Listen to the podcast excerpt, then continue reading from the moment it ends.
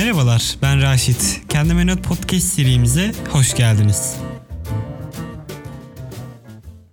Son dönemde bir sürü insanla ırkçılık hakkında konuşmalar yaptım ve bu insanlardaki genel algı, genel intiba şu şekildeydi. Black Lives Matter olayı başarılı, insanlar aydınlanıyor, insanlar bilinçleniyor, ırkçılık oranı toplumda gittikçe azalıyor. İnsanlar nefretten, kinden, bu tarz olaylardan gittikçe arındırılıyor. Ancak bu böyle mi?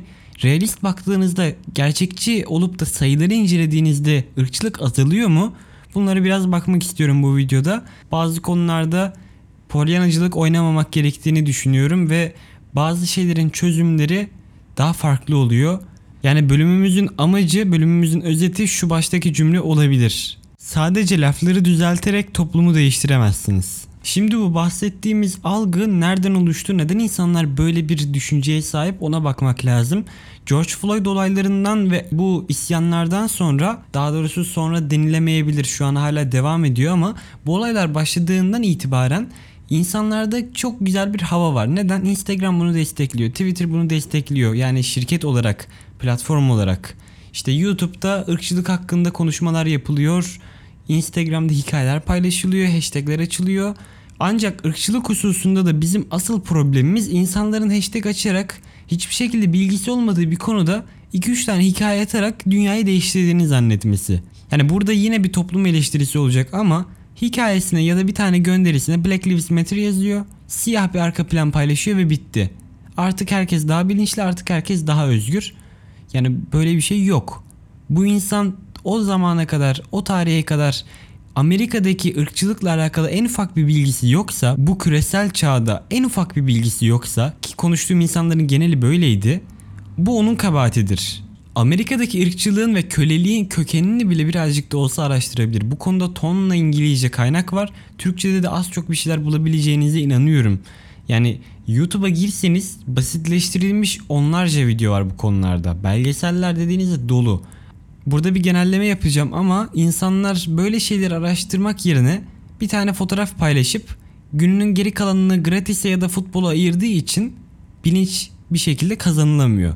Bunun sonucu olarak da yeni jenerasyon tıpatıp aynı şeyleri yapmaya devam ediyor.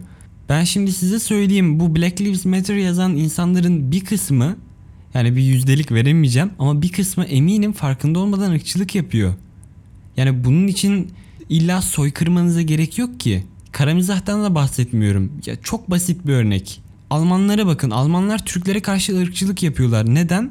Çünkü Türkler sonradan geldi. Türkler yabancı. Türkler onlara benzemiyor. Türkler istediği kadar ülkelerinde çalışsın. istediğini yaparsa yapsın. Onlar her zaman Almanlar için göçmen, ezilmiş grup ve gereksiz istenmeyen bir taraf olacak Almanya'da. Fransa'ya bakın. Fransa'daki siyahi oranı o kadar yüksek ki insanlar yine onlara karşı ırkçılık yapıyorlar. İngiltere'de Hintliler var. Yani göçmen gruplar her zaman bu ülkelerde var ve bu ülkelerde ırkçılık gittikçe artıyor. Hani Fransa'daki Le Pen ünlendi diye insanlar aa bir tek Fransa'da varmış falan diyor ama Almanya'da e, Almanya için farklı bir seçenek diye bir parti var. Adamlar aşırı sağ ve önüne gelen herkesi kendilerine katmaya devam ediyorlar. Aşırı sağlar bakın. Hani sağ muhafazakar demiyorum. Aşırı sağ bunlar ırkçı gruplar. Avusturya'da çok güçlü. Macaristan'da hükümet zaten aşırı sağ. Ve bunlar gittikçe ilerliyor. Türkiye'ye bakın. Türkiye'de bizim insanımız çok mu ırkçılık karşıtı? Türk insanında genel 3 tane gruba karşı ırkçılık vardır. 1. Yunanlar. Yunanlardan nefret ederler, Yunanlardan iğrenirler ve onlara karşı kin hissederler. Ermeniler, Ermeniler için tıpatıp aynısı belki Ermeniler için daha fazla. Bazı küfürlerimiz artık zaten Ermenileri de katmış durumda. Ermeni bir şey bir şey diye. Yani bunları söylememe gerek yok bence. Az çok tahmin ediyorsunuz. Ve Araplar. Yani bizim zaten en iletişimde bulunduğumuz 3 grup bunlar. Şimdi Kürtleri saymayacağım. Çünkü halkın yüzde bir kısmı Kürt. Ancak bu bahsettiklerimiz daha sonradan katılma gibi oluyor. Yani örneğin Suriyeliler sonradan göçmen olarak kabul ediliyor. Araplar sonuçta Suriyelilerde. Bu üç gruba karşı çok sert bir şekilde ırkçılık var. Araplara hele abo yani şu an abartısız söylüyorum. 10 kişiden en az 4'ü 5'i Araplara karşı ırkçılık yapıyordur. Hani kadın hakları savunucuları diyor ya bütün küfürler kadınlara. E bu konuda Araplara karşı ne ırkçılık var ya diyen insanlara da ben şunu söyleyeyim. Anladıysam Arap olayım. Çok minicik bir örnek. Ve şimdi bazıları diyecek ki Türkiye'deki ırkçılık ama Amerika'daki gibi sert değil. Amerika'da insan saymıyorlar, öldürmek istiyorlar, katletmek istiyorlar siyahileri. İşte şiddet uyguluyorlar. Ben size minik bir basit bir örnek vereyim. Eğer bu Amerikalıların elindeki güç Türklere gelseydi, bu bahsettiğimiz ırkçı Türklere gelseydi eminim çatışmalar, eminim kan dökmeler yaşanacaktır. Çünkü Amerika'da ekstrem bir durum var. Amerika'da halk kolayca silahlanabiliyor ve bizdeki gibi kırık kaleler, işte minik pompalılar falan bunlar değil. Yani Amerika'da bildiğiniz saldırı tüfekleri var insanların. Ve bu tüfekleri, bu silahları silahlanmacıların bir kısmı şunu iddia ederek alıyorlar. İşte devlet saçmalaşırsa, devlet eğer bizim özgürlüğümüzü kısıtlarsa devleti isyan edeceğiz. Bir kesimde ben kendimi savunacağım. Bunun için alıyorum diyor.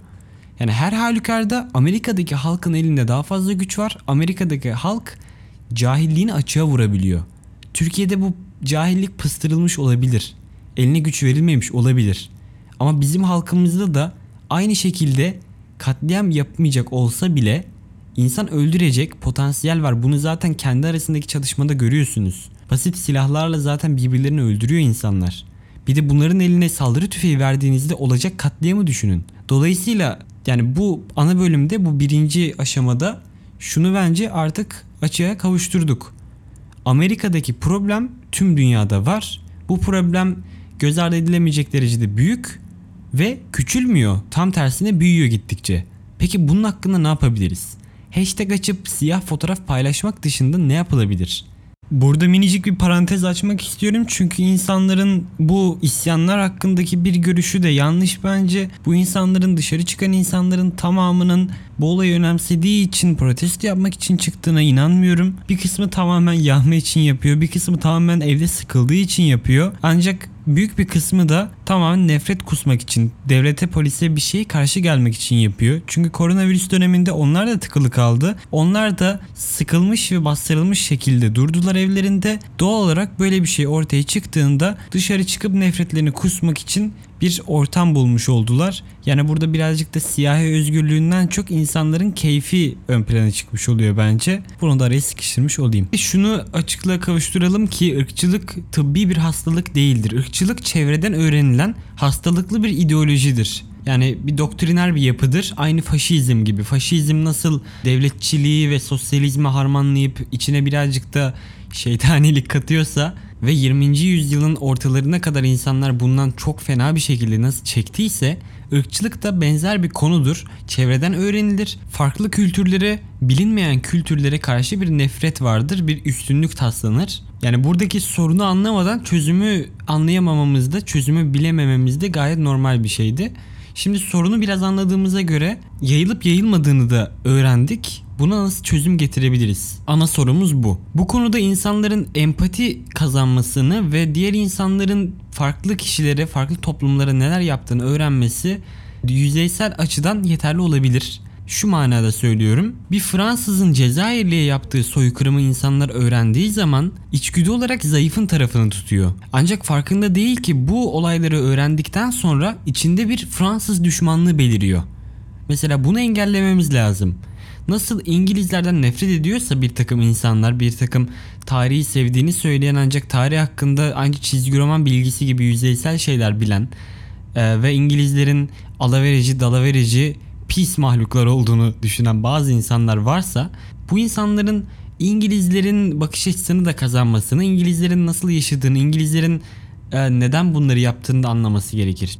Yani burada demek istediğim insanlar Uygur Türklerini savunayım derken Çin ırkçılığına kayıyorlar ve burada yine bir şekilde mazlum bir kesim ortaya çıkartıyorlar. Çünkü baya turist olup Türkiye'ye gelen, güzel bir gün geçirip yine sıkıcı Çin'e geri dönmeye çalışan masum insanlar da var. Burada toplumları aşağılamak için genellemek yine bir problem. Yani şahsi fikrim insanlara empati öğretilerekten, empati kazandırılaraktan ırkçılığın önüne belki geçilebilir.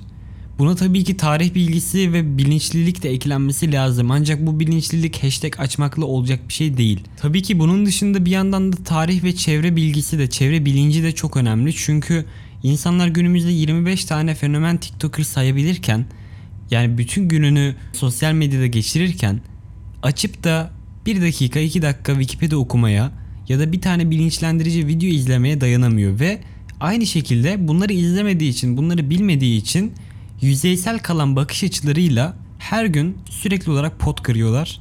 Bunların önüne geçebilmemiz için bu yüzeysel siyah fotoğraf paylaşmacı bilinçlilikten gerçekten bir şeyleri anlayabilen, empati yapabilen bir duruma geçmemiz gerekiyor. Bu podcast ile umarım birilerine vesile olabilirim. İnsanların biraz daha derinlemesine bir şeyler keşfetmesini sağlamak için. Şahsen tarih sayfası yönettiğim dönem boyunca Malcolm X'de olsun, Martin Luther King'de olsun farklı e, Afrika kabileleri de olsun, günümüzde olsun bir sürü farklı noktadan ırkçılıkla alakalı haberleri ve bu insanlık dışı olayları yansıtmaya çalıştım. Ancak malum tarih sayfamı kapattım ve artık insanlara buradan ulaşmaya çalışıyorum. Yani kısaca bunu dinleyen insanlardan en kötü ihtimalle bir tanesi bile biraz daha bilinç kazanıp çevresindekilere katkı sağlamaya çalışırsa belki minik bir domino etkisi yaratabilir.